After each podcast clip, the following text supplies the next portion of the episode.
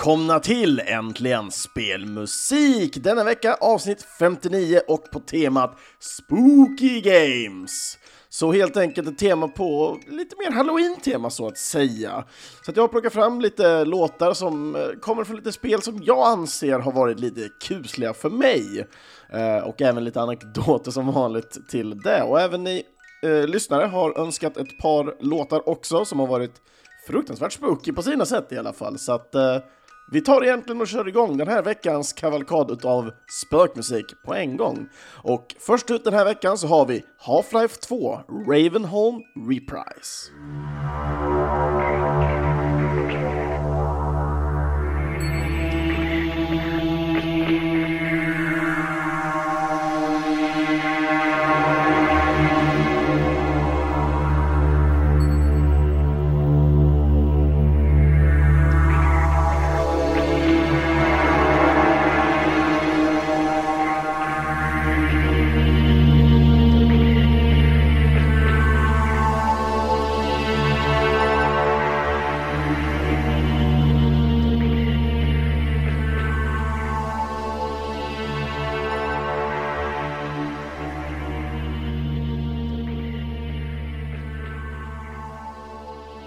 Ja, och där hade vi de spöklika tonerna ifrån Half-Life 2 och låten heter Ravenholm Reprise. Och musiken här komponeras av amerikanen Kelly Bailey.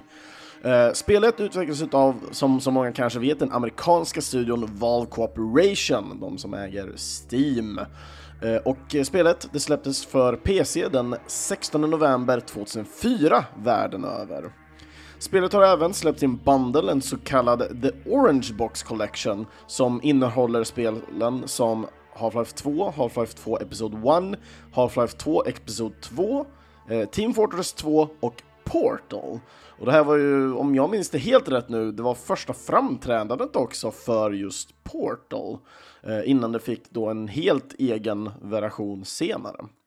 Eh, och eh, denna boxen, den, släpp, eh, den släpptes då för PC, Linux, Mac, Xbox 360 och PC. Och boxen den hade release den 10 oktober 2007. När man väl tittar på just kompositören här, Kelly, så var han en Senior Game Designer of Sound and Music hos Valve. Eh, han gjorde all musik samt ljudeffekter till eh, Half-Life, det första spelet då alltså. Eh, han skrev till exempel ljudkoden som då skapade karaktärernas prat samt en så kallad DSP-reverb-effekt, varav just DSP här står för Digital Signal Processing, så jag antar att det har någonting med något elektroniskt att göra, kinda basically explains it. Uh, han gjorde även detta till just Half-Life 2 uh, eh, och samt de två expansionerna som spelet fick, då Episode 1 och Episode 2.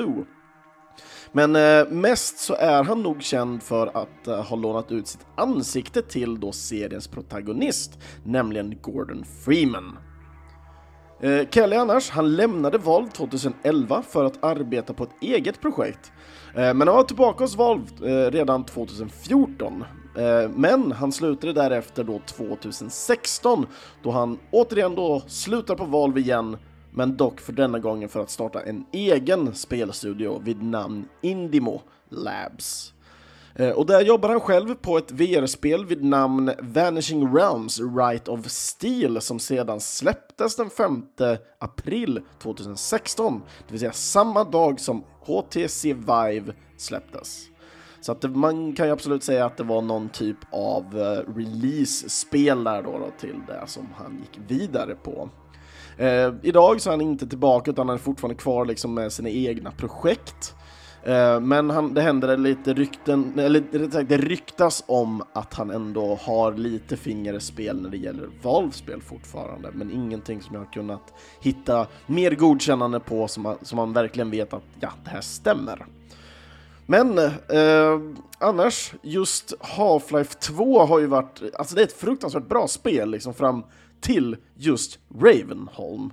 Eh, Ravenholm är, eh, som många tycker, ett av de bästa part eh, partierna i just Half-Life 2, för att det är så fruktansvärt bra gjort och det, man har verkligen den här riktiga kusliga feelingen, alltså det det är extremt mycket, ska man säga, förgånget här liksom på något sätt. Allting är sunkigt Eh, och bara dåligt allting. All kvalitet, allting är liksom kört rätt ner i marken och så är det fullt med zombisar och aliens överallt här, vilket gör att det är en extremt skrämmande och tryckt känsla.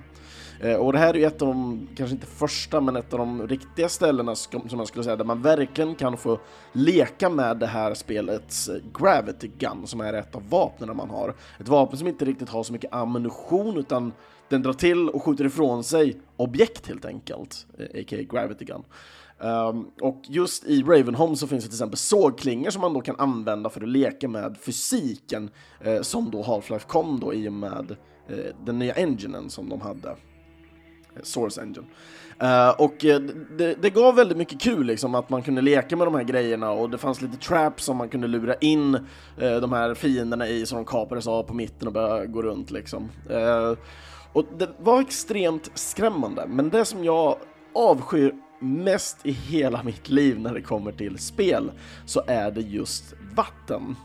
Eh, vatten är verkligen en riktig vattendelare för mig när det kommer till spel. Eh, för oftast då på de äldre spelen så hade man ju ingen chans till att kunna se ner i vattnet för vad som är under. Eh, så det här var ett väldigt ful, ful enkelt knep för att få till typ jump scares. Eh, så att oftast när man typ hoppar ner i vatten så pum så är det en stor fiende eller en stor gigantisk fisk eller monster eller whatever ehm, direkt under vattnet. Och eh, det här är någonting som alltid har skrämt mig väldigt många gånger. Jag blir ex jag är extremt lättskrämd där och har väldigt lätt att få mardrömmar, vilket gör att jag mer än gärna oftast undviker skräckspel i många olika slag, även thrillerspel ofta också. Men just då i Half-Life 2, det som gjorde att jag slutade spela det här spelet, jag hade chans till att spela eh, Ravenholm-delen i det här, men just när man eh, är i Ravenholm och ska ge sig ut därifrån så ska man hoppa ner i typ ett schakt. Eh, och i det här schaktet så finns det vatten längst ner och jag kände liksom att nej, jag klarar inte av att hoppa ner i det här vattnet. Eh, så att jag fick helt enkelt ge upp det här spelet på grund av det här vattenhålet. Um, och nu när jag sitter och pratar om det så vet jag hur löjligt det egentligen känns, men alltså i mig, någonting i mig liksom verkligen trycker ifrån känslan av att vilja hoppa ner i vatten i spel, såvida inte jag kan se vad som är under helt enkelt. Lite som jag fungerar på riktigt också. Jag har väldigt svårt att gå och bada i vatten där jag inte riktigt kan se botten eller se mycket av, så det är jätteproblematiskt för mig att bada och simma i svenska vatten. Jag gör det på vissa ställen, men inte alla riktigt. Så att, eh, mm, det är lite problematiskt med vattendel där, helt enkelt. Men överlag, annars när man lyssnar på den här låten så tycker jag den, eh, den, den ger en väldigt stark känsla av vad som pågår i Raven, Ravenholm. Det är en väldigt tryckt, hemsk känsla där. Eh, och jag tycker musiken verkligen liksom framhäver det yttersta utav Ravenholm. Så där tycker jag verkligen att Kelly har gjort ett enormt bra jobb.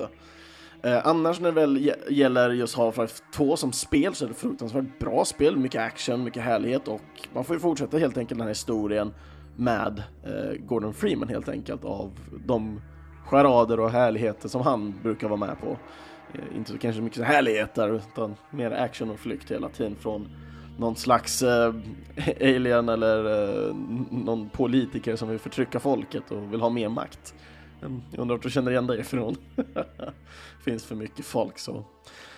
Uh, nej, så att, eh, men fortfarande ett jävligt bra spel är det. Uh, uppskattar Portal-spelen jävligt mycket mer dessvärre, tyvärr. men det är för att de är helt fenomenala de spelen. Så att, Nej, jag ska ta och släppa eh, Half-Life här och tänker gå vidare nämligen. Så att eh, första låten ut här nu då efter är en önskelåt och eh, den här önskelåten kommer ifrån eh, Louise ifrån Nöjesrummet. Och eh, hon skriver så här i sin kommentar. Hej! Jag vet inte riktigt om jag kan eh, kalla Ocarina of Time för ett läskigt spel. Men Forest Temple minns jag i alla fall som väldigt, eller som ganska kusligt. Det första templet som Link besöker i den mörka framtiden har diverse inslag som skapar en olustig känsla. Vridna korridorer och växande skuggor från otäcka wallmasters, eh, för att nämna ett par. Eh, musiken förstärkte obehaget första gången jag spelade, och den är fortfarande rätt spooky tycker jag. Med vänliga hälsningar, Louise. Så att, eh, Här kommer helt enkelt Louise önskelåt The Legend of Zelda och Arena of Time Forest Temple.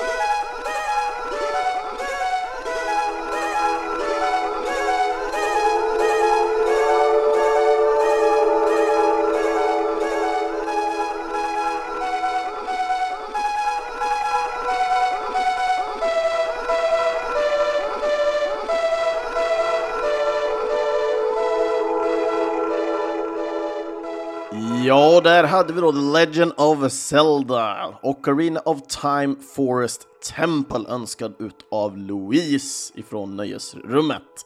Och här då, eh, återigen, musiken är komponerad utav japanen Koji Kondo.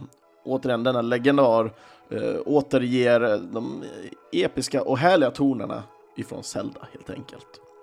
Eh, spelet utvecklades av den japanska studion Nintendo EAD, alltså Entertainment Eh, Analysis and Development-delen.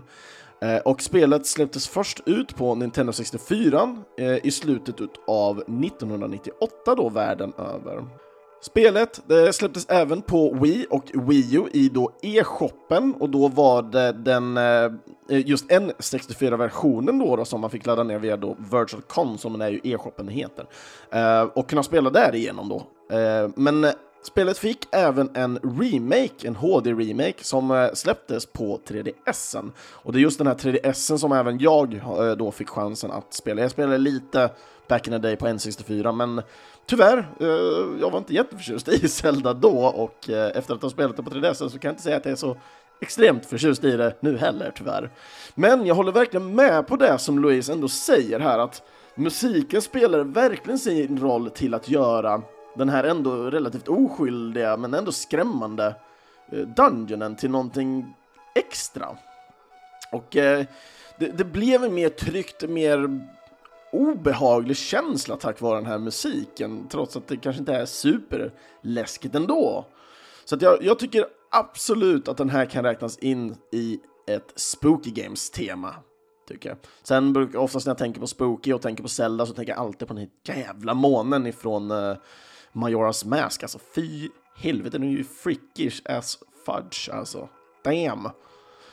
Nej, jag vet inte om jag har så mycket mer att säga just om Ocarina of Time. Jag vill minnas att jag pratat om det tidigare. Uh, så att jag lägger tyvärr inte till så mycket extra på just det. Det är, det är ändå okej okay, Zelda-spel enligt mig. Håller inte riktigt samma idag och precis som jag tror många är liksom det första Zelda-spelet som man egentligen lägger extremt mycket tid på kanske är ens favorit. Eh, jag la extremt mycket tid på Link to the Past, jag håller det jättehögt gör jag. Eh, och Ocarina har någonting, men det var inte tillräckligt för att jag skulle uppskatta det tyvärr personligen. Men jag ser varför andra gillar det och uppskattar det väldigt mycket. Musiken, återigen jättebra jättebra jobb av just Koji Kondo. Så att eh, nästa låt ut som jag tänkte jag skulle ta och köra i våra lilla Spooky Games avsnitt här kommer ifrån spelet Obscure och låten heter Empty School.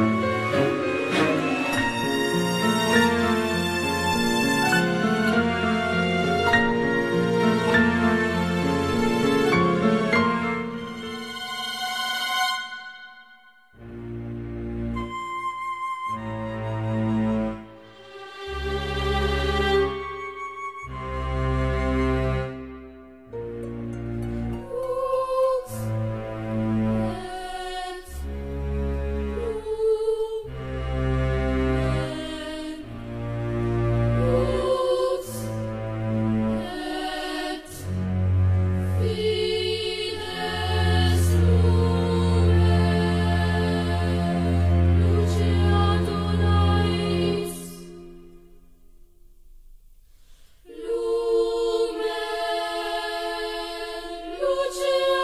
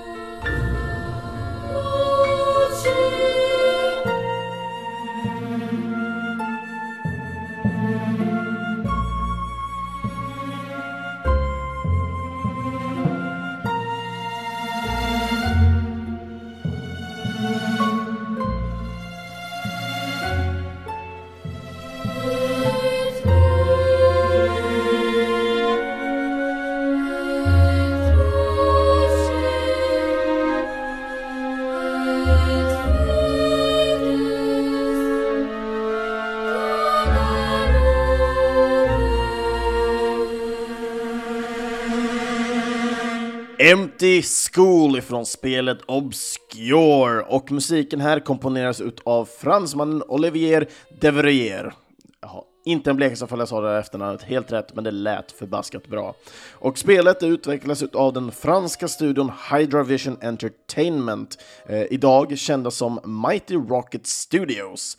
Och eh, spelet det släpptes under 2004 världen över på PC, Playstation 2 och Xbox. Eh, Obscure var Hydravisions första spel och Obscure fick även en uppföljare som heter Obscure 2, men då undertiteln The Aftermath. Eh, studion verkar fortfarande vara aktiva under sitt nya namn då de släpper mindre matchspel idag. Eh, sådana som man drar olika, ja men tänk Bejeweled, liksom. man drar och matchar upp tre stycken grejer och så försvinner de helt enkelt, så kommer det fram nya grejer. Eh, dock så var det det senaste spelet som de releasade, eh, det var då år 2015, så jag vet inte exakt vad de håller på med just nu, men det känns som de fortfarande är aktiva eftersom det var eh, inom två årsstopp, i alla fall, tre år nu då, eh, som de ändå släppte någonting, så att de kan ha någonting mer och nytt på gång. Vad som gäller Olivier annars så är det dock mycket mer intressant där. Eh, han har jobbat på musik till flertalet spel, men även några filmer. Eh, några av spelen som man har gjort musik var till eh, Alone in the Dark, eh, Remember Me, Assassin's Creed 4, Black Flag Freedom Cry eh, och ett spel som även releasades i år, nämligen spelet Vampyr, eller Vampire. Eh, hans namn står även med under Thanks-sektionen till spelet Life is Strange och då under Episod 1 och 2. Eh, när det väl kommer till just Obscure här så är det lite väl speciellt för mig. Det var ett spel som jag, jag vet inte hur, out of nowhere, jag bara, nej men fan jag vill ta och testa det, det låter coolt liksom. Eh, man tar vid liksom ungdomar som eh, återvänder liksom till en skola. Jag, vet inte, jag minns inte vad de gick där eller hur det var, men det är en grupp ungdomar som kommer dit och de märker att någonting är konstigt här. Eh, de blir inlåsta och eh, de märker att saker är inte riktigt som de borde vara. Och det, just Obscure är lite ett action thriller-spel, så att det man hela tiden får slåss med är att inte förlora liksom ljus på något sätt, för det här skolan liksom är väldigt isolerad från ljus av någon konstig anledning och man kan inte av någon anledning riktigt slå sönder alla fönster och allting heller. Jag kommer inte ihåg ifall det fanns någon anledning bakom det eller hur det var. Men det finns lite folk som man kan ta hjälp av under spelets gång här. Jag kommer inte ihåg exakt vilka heller, så det är svårt för mig att... För det var ett tag sedan jag spelade det här spelet, men jag minns i alla fall just de här lite mer skrämmande sekvenserna bättre. Ehm, men det är nämligen så att eh, fienderna i det här spelet har man extremt svårt att se. Man måste använda någon typ av ficklampa eller eh, light source för att kunna se dem här. Så att så länge de är i darkness så är de mer eller mindre osynliga, de här monstren. Eh, så att eh, man av typ månljus eller solljus så typ bränns de här figurerna. Eh, så att man kan liksom komma till sektioner där man ändå har någon typ av frizon. Men annars så för att hitta de här så måste man då använda då ficklampan helt, helt enkelt i spelet. Så det är lite så här Alan Wake-eskt på så vis kanske man kan säga. Eh, och just det, det, är det här som är liksom den här skrämmande sekvensen på något sätt. Man har liksom här alltid, man vet att man kanske kan vara sedd på något sätt. Att, att det är liksom det här the shadows are liksom alive på något sätt som gör det extremt skrämmande. Man förväntar sig väldigt mycket saker omkring överallt hela tiden på något sätt. Eh, men man lär sig med tidens gång liksom vad som är farligt, vad som inte är farligt och dylikt, om hur musiken ändå eh, agerar i vad som sker i omgivningarna. Och just när man väl tar jo, den här låten som exempel, just Empty School, jag vet inte exakt vart den spelas, men när man väl lyssnar på den med den här sången och, och de här utdragna tonerna så det känns väldigt tryggt och det liksom just kören som är med liksom det ger en väldigt dramatisk ljudbild till vad man ska uppleva och jag tycker den här bara förstärker upplevelsen av eh, den här tryckta rädslan av vad som inte riktigt man vet vad det är för någonting. Eh, från början märker man ju bara massor saker som sker och allting innan man upptäcker liksom hur man ska hantera det här hotet som då är fienderna i spelet. Ehm, och jag tycker det här spelar en väldigt stark och bra roll när jag väl satt och spelade. Och jag spelade det här spelet på PC, jag spelade aldrig klart det tyvärr. Ehm, men jag minns liksom hur, hur ändå jag, jag satt on edge hela tiden. Jag ville inte spela det här spelet på kvällar till exempel. Uh, utan jag, jag tittar lite omkring mig och sånt just i mörker, för det, en, det sattes ändå någonting rent mentalt i mig liksom av vad ändå som kan finnas där ute i, i skuggorna på något sätt. Men väldigt, väldigt bra spel vill jag minnas trots att jag inte spelade klart det. Och det här är någonting som jag känner nu att jag måste ta mig an där. Antingen om jag köper det på typ Playstation 2 tror jag blir smidigast i och med att jag inte äger en Xbox och jag tror min PC är för bra för det. Så att jag tror jag faktiskt får ta och fixa det här till Playstation 2 och ta mig och spela an det här faktiskt, för det är ett bra spel. Och eh, nästa spel ut som jag har valt en låt till är väldigt speciell och eh, Nate, om du eh, lyssnar nu så kommer du säkerligen börja le redan Eh, på en gång här. Så att eh, vi tar och rullar låten först innan allt annat eh, skratt och där kommer. så att här kommer låten Found You ifrån Deadly Premonition.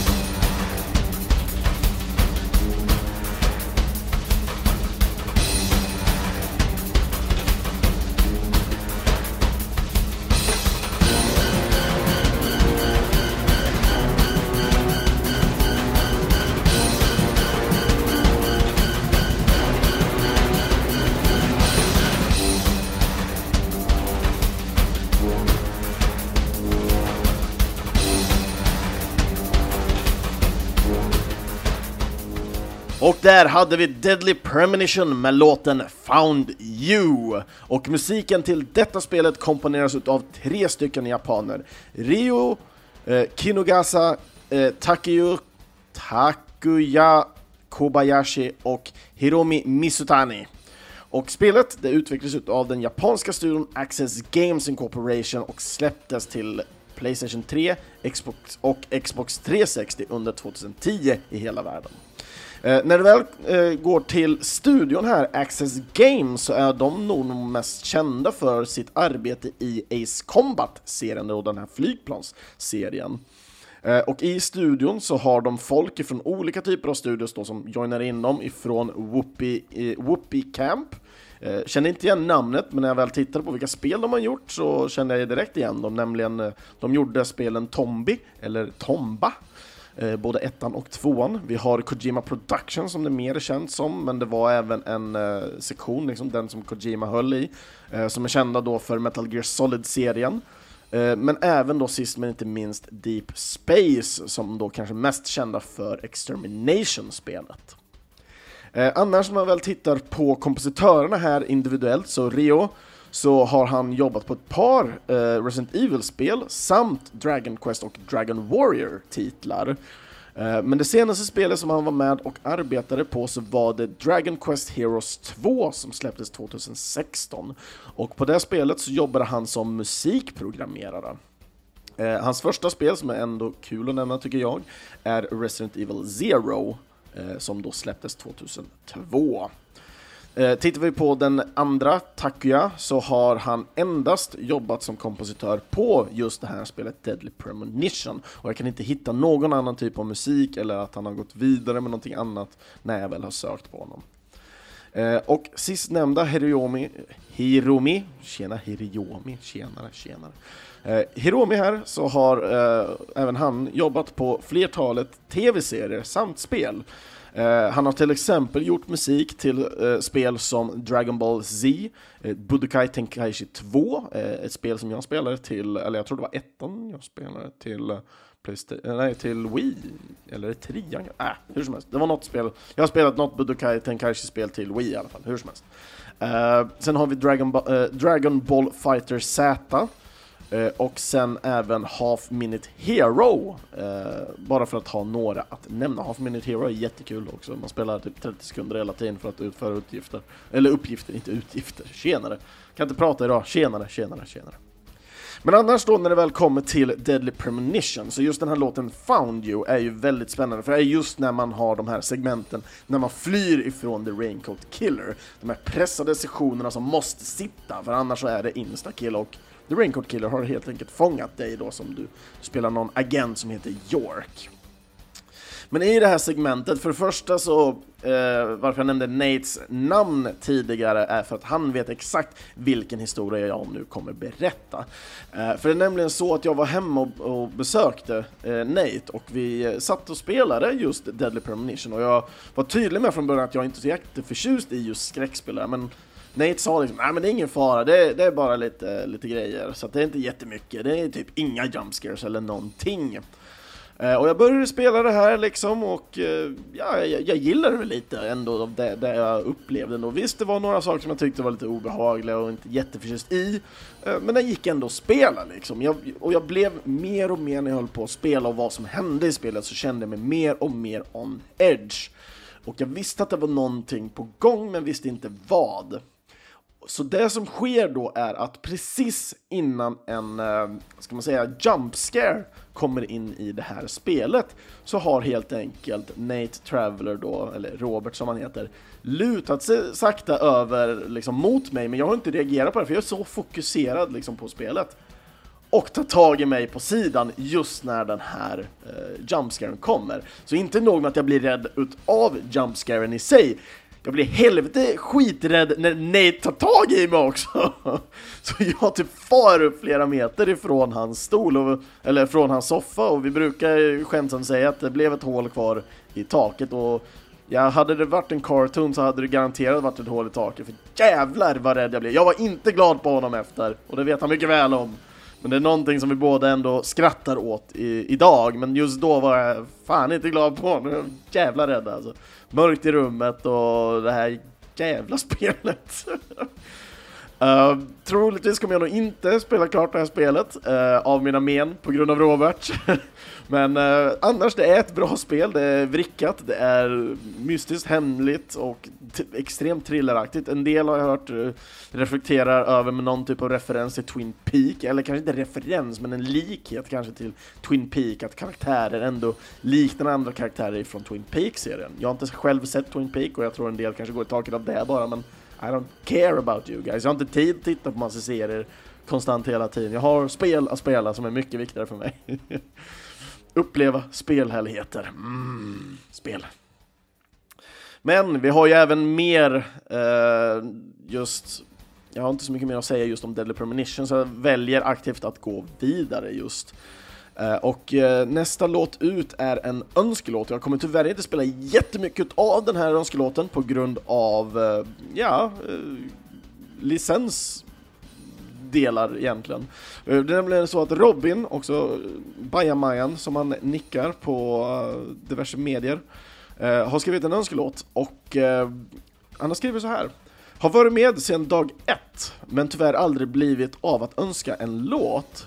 Men nu till nästa veckas avsnitt så tycker jag att Ray Parker Jr. Ghostbusters passar in. Och dessutom nu när spelet Ghostbusters Worlds äntligen har släppts till mobilen. Peace slash Robin Bajamajan. PS. Gav betyg och recension på iTunes. Och det tackar jag jättemycket för att du faktiskt har gjort. För i slutändan så kommer fler hitta podcasten på grund av att folk har helt enkelt röstat och gett en, en rank till helt enkelt podcasten. Men nog om podcast och ranker. Varsågod Bajamajan. Här kommer din låt Ray Parker Jr. Ghostbusters Theme.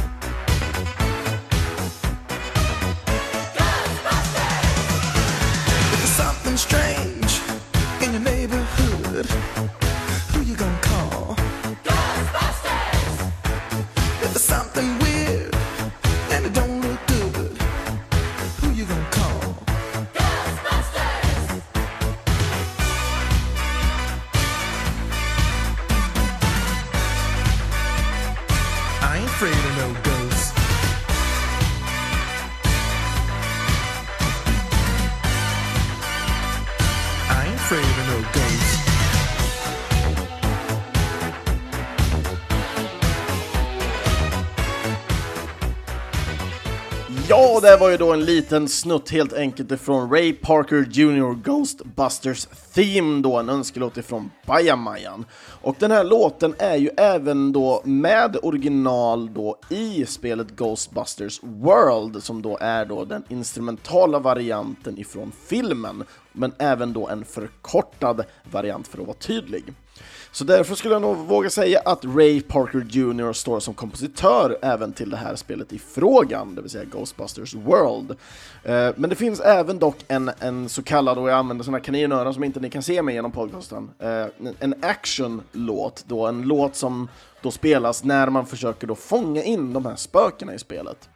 Eh, men vem som står bakom den låten, det vet jag tyvärr inte, för spelet är så pass nytt Eh, att eh, liksom, kompositörer och allting har liksom inte blivit liksom, namngivna där än, utan det står mest bara företag bakom. Så det kan vara någon som är på företaget eller kan vara någon extern. Det vågar jag inte säga i dagsläget. Jag får återkomma med det i så fall, fall om någon anledning skulle eh, uppkomma igen. Men spelet i alla fall, det utvecklas av det sydkoreanska företaget 433 Creative Labs, eller 433 tror jag man ska säga. Creative Labs då helt enkelt. Och spelet det släpptes nu i den 22 oktober för iOS och Android. Och eh, Ghostbusters World, det är ju ett eh, likt Pokémon Go och ingressspel, där då du som spelare behöver röra dig runt om i världen för att spela spelet. Visst, du kan sitta på ditt arsle i en soffa och spela typ i när om, om, omgivningen av dig, men den stora känslan av spelet händer och sker när du är ute och jagar och går.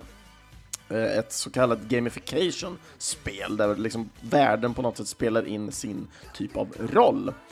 Eh, och det hade varit jättekul att kunna få lägga fram en massa andra låtar från Ray, att han har gjort massor musik till spel eller någonting, för det hade varit helt wicked, men eh, tyvärr så lever han på gamla meriter och det är endast just det här, endast till Ghostbusters-spel helt enkelt, som han har eh, använt sig utav sin dänga ifrån just filmen Ghostbusters. Och eh, ja, jag har inte spelat Ghostbusters World för det är extremt nytt. Eh, jag installerade för att testa och höra ifall musiken var inne och det. Eh, bara för att liksom ha med just den här låten. Jag kände liksom att jag ville kanske inte riktigt spela den här låten från första början på grund av att den är en kommersiell officiell låt liksom, så det är svårt för mig att som i podcast spela sådana som annars kräver stim och där, för annars måste jag spela typ 15 sekunder av dem och jag känner det för lite. Men i och med att låten ändå är med i spelet så känner jag ändå att jag kan spelar den, men jag spelar inte hela låten på grund av de skälen helt enkelt. Uh, och skulle det bli någon rättsprocess så snälla hjälp mig, jag vill fortsätta med podden. um, uh, och inte bli ekonomiskt helt bankrutt bara för att jag spelar en låt lite för länge, eller i bakgrunden. Uh, hur som helst, bara för att slippa då prata ännu mer och få dra ut ännu mer på den här, så ska vi ta och dra in den sista önskelåten den här veckan. Och det är en väldigt kort, enkel förklaring och den kommer från Olol. Och eh, han skriver det så här. Det är ett bra spel med bra musik. Och musiken kan verkligen hålla med om till det här spelet. Och eh, låten vi ska få höra är Shrill, eh, Quill Shrooms Horror ifrån Quill Shroom March. Och spelet är The Messenger.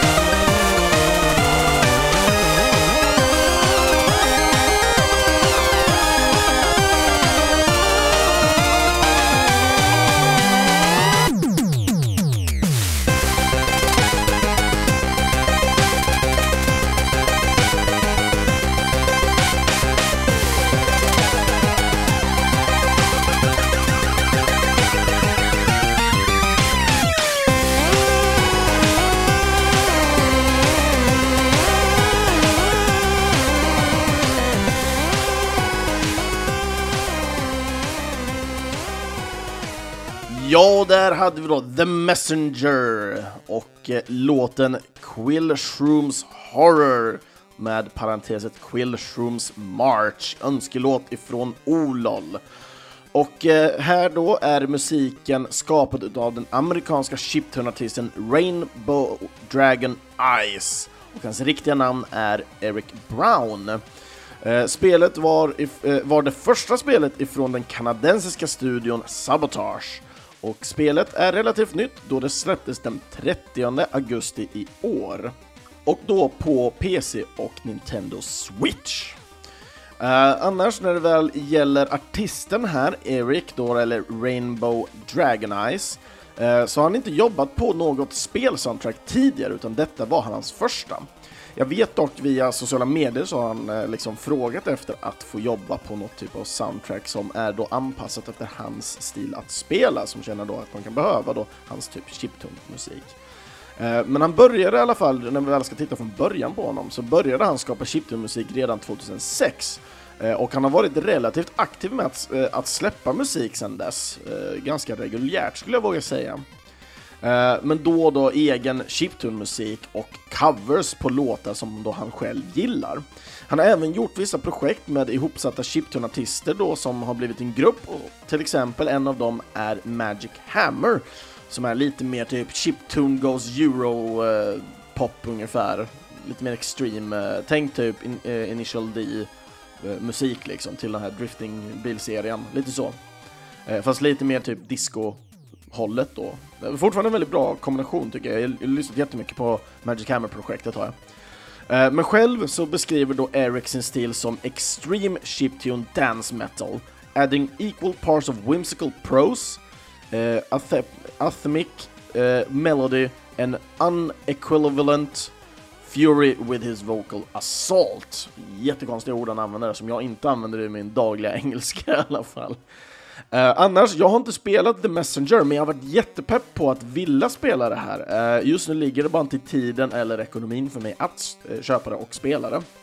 utan jag har fortfarande en massa andra spel som jag behöver spela innan jag känner att jag vill ta mig an det här spelet. när man väl tittar på det, det är en väldigt stark känsla tillbaka till Ninja Gaiden-spelen och speciellt de klassiska på NES. Eh, och inte något av de nya Ninja Gaiden-spelen, eller Ninja-spel, eller Gaiden, eller vad nu alla än heter, jag kommer inte ihåg vad alla heter. Eh, men det är mer åt det, gamla hållet liksom. Eh, man spelar Ninja, man kan hoppa mellan typ något past och något current liksom. Något present och något future, jag vet inte fan. Man, man, det går att skifta i alla fall så världarna blir lite olika och det finns en mekanik däremellan. Inte om man, jag för man slår på någonting för att komma, jag, jag vet inte exakt. Eh, men det ser jävligt fräckt ut, det ser asnice ut liksom, riktigt solid spel ser det ut att vara och musiken är fruktansvärt bra. Jag har lyssnat själv på Rainbow Dragon Eyes jättelänge innan jag märkte att han tog upp, eh, eller han togs upp då för att göra musik till det här spelet och att han gör musik till det här spelet gör bara att jag vill ha spelet också. Eh, så att han, han har gjort ett ganska stor, starkt, en stark påverkan på mig till chiptunen för att jag har gillat hans musik så himla länge har jag. Och jag älskar verkligen många av hans covers också som är covers, ofta på eh, metal-låtar som även är från band som jag lyssnat på tidigare, typ Ailstorm och Gloryhammer till exempel. Eh, och jag antar att Magic Hammer är någon slags referens till Gloryhammer också, även om musiken inte är densamma, men det finns ändå en Hammer-referens där i alla fall, som jag tycker är intressant.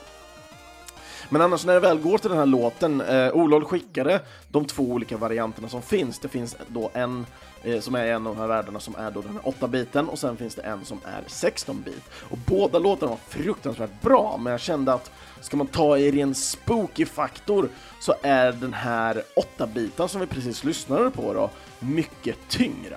Den är tyngre i formen av liksom att det är så djupare toner på något sätt. De, de fasas inte riktigt ut på samma sätt som de gör i då den här 16-bits-varianten. Eh, och därför kände jag liksom att ja, men jag går nog mer åt den här 8-biten de tyckte den var bra. Och vi diskuterade fram och tillbaka, Olof och jag, lite kort sådär. Och båda vi kände liksom, ja, men 8-biten är nog lite kusligare ändå. Och jag, vet, jag är lite osäker på hur området ser ut, så jag kan inte uttala mig om det, men låten är helt klart någonting som jag skulle kunna tolka som creepy eller bara spooky helt enkelt. Så att, eh, stort tack allihopa som har önskat den här veckan. Olol, Bajamajan och eh, Louise helt enkelt. Och eh, jag tänkte jag ska ta och köra igång sista låten för den här veckan och den har faktiskt lite sång i sig och det här blev nog nästan min personliga favorit den här veckan. Så att här ifrån spelet Seventh Guest har vi låten Skeletons in My Closet.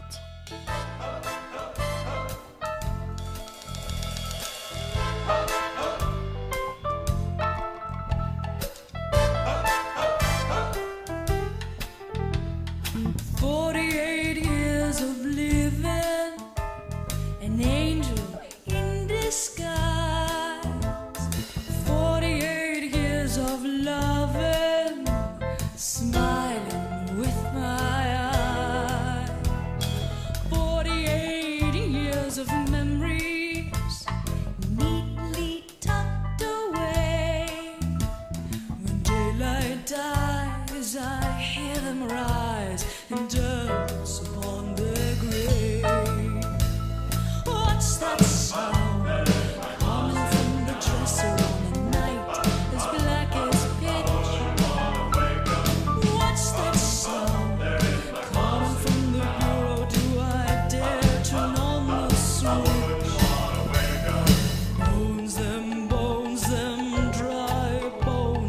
bleed.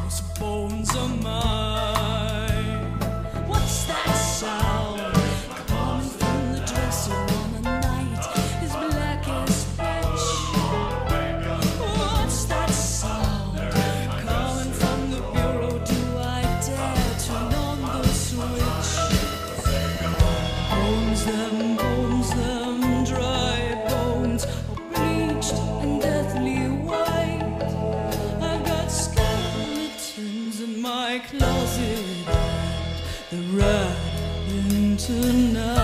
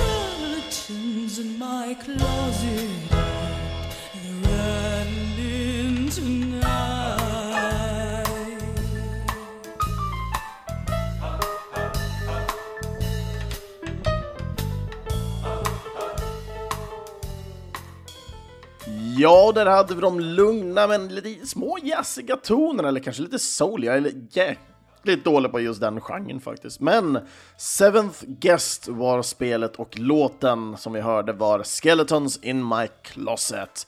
Och eh, den här musiken komponerades av amerikanen George Alistar Sanger, a.k.a. The Fat Man and the Team Fat. Och eh, sångerskan som vi hörde i låten är den amerikanska eh, tjejen Chris McKay. Och eh, spelet det utvecklades av den amerikanska studion Tr eh, Trilobite och släpptes på DOS och CDI först faktiskt under 1993 världen över. Eh, spelet portades sen till Mac året efter för att sedan få en re-release till PC 1997 och sen för att slutligen få en worldwide release 2010 på iOS, alltså iPhone och iPad. Eh, sen för de som skulle vara intresserade av spelet idag så finns det sen 2013 en stream-release för Mac och PC-användare.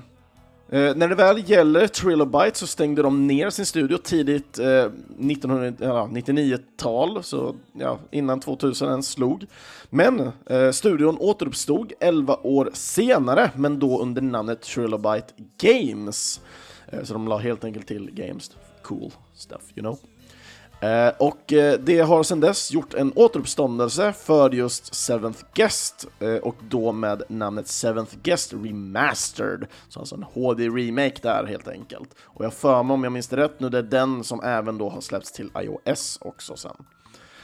Men när det väl gäller då The Fat Man, eller då George här då, då Eh, så har han haft eh, med musik i mängder utav olika typer av spel och för att nämna några som jag själv känner till så Loom, eh, Zombies Ate My Neighbors, eh, RPM Racing och Evil Geniuses. Eh, och jag tycker det är så himla kul att just idag när jag spelar in det här så pratade även jag och en annan just eh, Zombies Ate My Neighbors. Uh, och just RPM Racing tycker jag är jättekul med eftersom uh, Blizzard hade med sitt, uh, sitt finger i det spelet, i den kakan helt enkelt. Um, det är ju inte bara de här spelen som har varit spännande och fantastiska när det gäller just Fatmans och hans uh, musikskapande.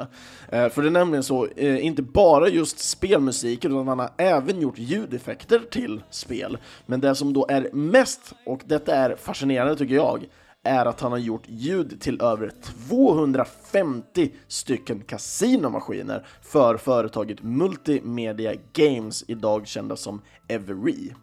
Och jag, jag, vet liksom inte hur, jag menar spel som spelen då i sig, att sitta och göra liksom musiken och ljuden som vi hör till slottmaskiner tycker jag är ändå fascinerande. Tittar man på hans hemsida så ser den ut liksom som de typ 90-talsstuk liksom. Den är väldigt liksom tillbakadragen, inga superfancy grejer, men den är väldigt funktionell är den. Och han har alla sina spel uppraddade där som han har varit med och, och haft sitt finger i. Och jag tycker det är jättekul att få se så stora titlar, ehm, men tyvärr inga nyare titlar dessvärre. Eh, han har någonting som verkar gå under songs for, hashtaggen Songs for Games. Eh, jag hann inte forska jättemycket i vad det innebar, men det verkar som att han har lite olika låtar och sånt som man experimenterar lite i som skulle kunna vara med i spel. Men om det är eh, låtar man kan ta till sitt spel eller inte, det vet jag faktiskt inte. Men jag tycker ändå att det var ändå ett, ett trevligt initiativ utav just eh, George här i alla fall, att ta sig på. Och sen vet inte jag hur mycket som räknas in, för det är väldigt mycket snack om The Fat Man, George Sanger då. då. Men just ändå så finns Team Fat och det är väldigt mycket ska man säga, gruppbilder är det, så det är inte bara massa bilder på just George, även om George står som någon slags frontfigur i det här bandet. Men, ja, annars när det kommer till den här låten, jag tycker den här är supertrevlig och mysig och jag gillar den här verkligen från första början när jag satt och funderade på vilken, vilken låt jag skulle ha. Jag, eh, jag själv har inte spelat just Seventh Guest, men jag har spelat uppföljaren Eleventh Hour och jag, jag var för liten egentligen när jag spelade, men jag tyckte ändå det var ett väldigt kul eh, pusselspel, trots att det var fruktansvärt svårt för mig eftersom jag var så pass liten. Eh, jag var inte åldern som var den som skulle kunna få spela det här spelet egentligen eftersom ja, delvis vad det är för typ av spel. Och, eh, det, det, som är väldigt unikt med Seventh Guest och Eleventh Hour också, in, eller inte unikt, men jämte mot många andra spel som släpptes då och det inte var så många tidigare, eh, så var det väldigt unikt med just att de hade filmsekvenser, så det var alltså riktiga skådespelare och sånt som gjorde eh, scener och sådana saker som typ spöken och människor och sånt när man sprang runt eh, i det här spelet och sen rörde man sig runt liksom i, vär i världen lik ett mystspel som man är i first person och vandrar runt, klickar på olika grejer för att ta sig in i pussel och dylikt som man ska då helt enkelt lösas. Um, och jag minns en del av de här och just då när man väl tittar på baksidan av då 11th hour-delen så är det mycket skelett och det är avkapade fingrar som ligger på bord och allt möjligt. Så att hela spelet är liksom, trots att det är ett pusselspel så är det ändå ett thriller och lite mer åt skräck kanske. Även om det inte är så mycket skräck, det är inga jump scares direkt vad jag vet om. Och det, som inte jag har varit med om i alla fall när jag väl har spelat det.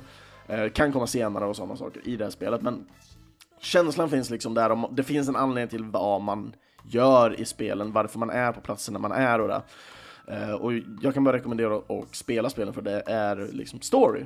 Eh, är det. Så att jag ska inte spoila så mycket av det. det. det. som är väldigt kul är att det är så mycket pussellösningar. Inga jättesvåra invecklare som ett uh, Monkey Island-spel. Du behöver inte kombinera massa 30 000 uh, objekt och sånt, utan det är logiska pussel som att du ska flytta uh, schackpjäser, alltså schack, hästschackpjäser. Eh, och de ska hamna i olika positioner och du måste lösa ut mönster de ska röra sig för att hamna i de här positionerna och dylikt. Eh, och du ska arrangera om böcker liksom så att eh, blåa är på en sida, röda på en sida, men de får bara röra sig i vissa mönster och dylikt, annars så resetar de sig och dylikt. Eh, gillar verkligen liksom som sagt spelet, men som sagt jag var inte ålder och det var väldigt skrämmande liksom en del bilder. Jag, jag såg inte direkt fram emot att komma fram i det här rummet där jag skulle hitta avkapade fingrar eller till rummet där det är ett skelett som badar i blod. De här bilderna finns på baksidan, så det är ingen spoiler. Eh, på, på boxen och så att nej, men det, det, det satt ändå lite och det, det, är liksom en creepy feeling på något sätt hela tiden. Um, så att, mm, det, var, det var bra spel ändå. Som sagt, jag, spe, jag spelade inte Seventh Guest, men Eleventh Hour som sagt. Och Eleventh Hour har fyra skivor eh, för att spelas. Så det var back in the day, big games. Och speciellt när man hade extremt mycket videosnuttar och sånt som skulle spelas upp, cinematics och dylikt. Uh, men det var, det, det var de låtar jag hade den här veckan och jag känner att jag kanske inte kunnat presentera 100% riktigt uh, den här veckan. Jag ursäktar väldigt mycket för det. Jag, delvis när jag väl spelar in så känner jag att jag är lite hes i halsen så att det är lite tryggt att försöka dra på och prata högre för jag känner att jag pratar lite lägre än vanligtvis. Men jag hoppas ni har förståelse för det och ändå har kunnat uppskatta avsnittet. Uh, jag hoppas ni gillar låtarna som jag plockade fram som jag försökte liksom välja att vara lite varierande så att det inte bara var grov skräck eftersom jag själv inte ens spelar riktigt den typen av spel på grund av att jag har de här problemen att jag är väldigt lätt att få mardrömmar och dylikt som jag inte är så jättesugen på. Jag vill inte återuppleva dem igen bara för att jag ska sitta och prata om dem. Eh, för jag vet inte om det skulle kunna ske så att eh, jag riskerar inte för mycket men jag, jag, väljer ändå att prata om lite mer thriller, skräck och, och spooky grejer och jag hoppas jag har kunnat leverera till det i alla fall. Så att, eh, mm, jag, jag, andra avsnitt helt enkelt ifrån Äntligen Spelmusik, ja de hittar ni på videospelsklubben.se eller i era närmsta podcastapp. Ni får gärna följa Äntligen Spelmusik på sociala medier såsom Facebook eller Instagram. Eh, gå gärna in där och, och likea eller ge eh, en follow på Instagram eller skriv en rekommendation på Facebook så blir jag jätteglad för att eh, det hjälper andra att hitta och det är inte mycket mer ni behöver göra för att andra ska hitta. Ni behöver inte rekommendera till andra även om jag skulle uppskatta det med. Eh, annars om ni vill nå mig, Kristoffer, eh, skriv då i kommentarsfältet på antingen videospelsklubben.se, Instagram eller Facebook. Jag ser till att försöka läsa de här innan jag sätter igång eh, med podcasten, eh, så att jag får med era önskelåtar och det. Jag brukar vara duktig på att skriva till deadlines, så att ni vet om att, eh, vilka som är vissa, de sista dagarna helt enkelt för att önska låtar. Eh, eller varför inte joina in på discorden, vi brukar dela och jag delar med mig lite bubblar-låtar och sånt till varje avsnitt nej, eftersom jag kan inte ta med alla låtar för det skulle bara bli för mycket tyvärr. Uh, och missade jag någon av era favoritlåtar från ett spooky-spel, dela jättegärna med er dem i kommentarerna eller på discord för jag vill jättegärna höra mer musik för det är någonting som jag tycker är helt underbart spelmusik. Eh, och information vart ni kan köpa musiken eller information om kompositörer, ja de finner ni som vanligt i videospelsklubben.ses inlägg. Och till nästa vecka så är det lite speciellt igen, för det är nämligen dags igen för ett kompositörsavsnitt. Och eh, spelet som vi ska prata om är Titan Quest och mer specifikt så är det DLC Ragnarök som vi ska prata. För det är nämligen så att Adrian Vandenbroek, eh, jag antar att jag säger det rätt och jag kommer få antingen Eh, en käftsmäll eller någonting nästa gång så får vi se helt enkelt nästa vecka ifall jag sa det rätt eller ej. Så att Adrian kommer helt enkelt nästa vecka för att prata om soundtracket till Titan Quest DLC Ragnarök. Och för att återigen poängtera ut igen då, glöm inte bort att eh, Äntligen Spelmusik kommer spela in live med Malmen Nykon 2018 som går av eh, stapeln den 16 november till den 18 och just den här livespelningen kommer vara den 17. Så att, eh, och det här är i Nyköping och det kostar inte jättemycket att gå in på det här och jag har fått en liten au rund aula som vi kommer spela in det här på. Och eh, avsnittet kommer släppas lite oredigerat tror jag, vi får se vad som händer exakt. Eh, men för bästa eh, möjlighet för, för, att få liksom, upplevelsen, kom gärna och till eventet och säg hej och få en, en kram, high five eller vad ni nu än vill ha. Det kommer finnas stickers med Äntligen Spelmusik där och de som är med på eh, musikquizen så kommer det även vara lite eh, Äntligen Spelmusikspriser med i potten där. Så att eh, jag får ursäkta som sagt att jag är lite hes den här veckan och inte kanske kunnat ge 100% mot vad jag kanske brukar. Jag har försökt ge så mycket 100% jag kan i alla fall den här veckan. Så jag får ge ett nytt försök helt enkelt när vi har en underbar, härlig kompositörsgäst till nästa veckas avsnitt helt enkelt. Så får ni ha en jättetrevlig vecka och sköt nu jättemycket om er så hörs vi helt enkelt nästa vecka. Ha det så bra nu allesammans. Hej då!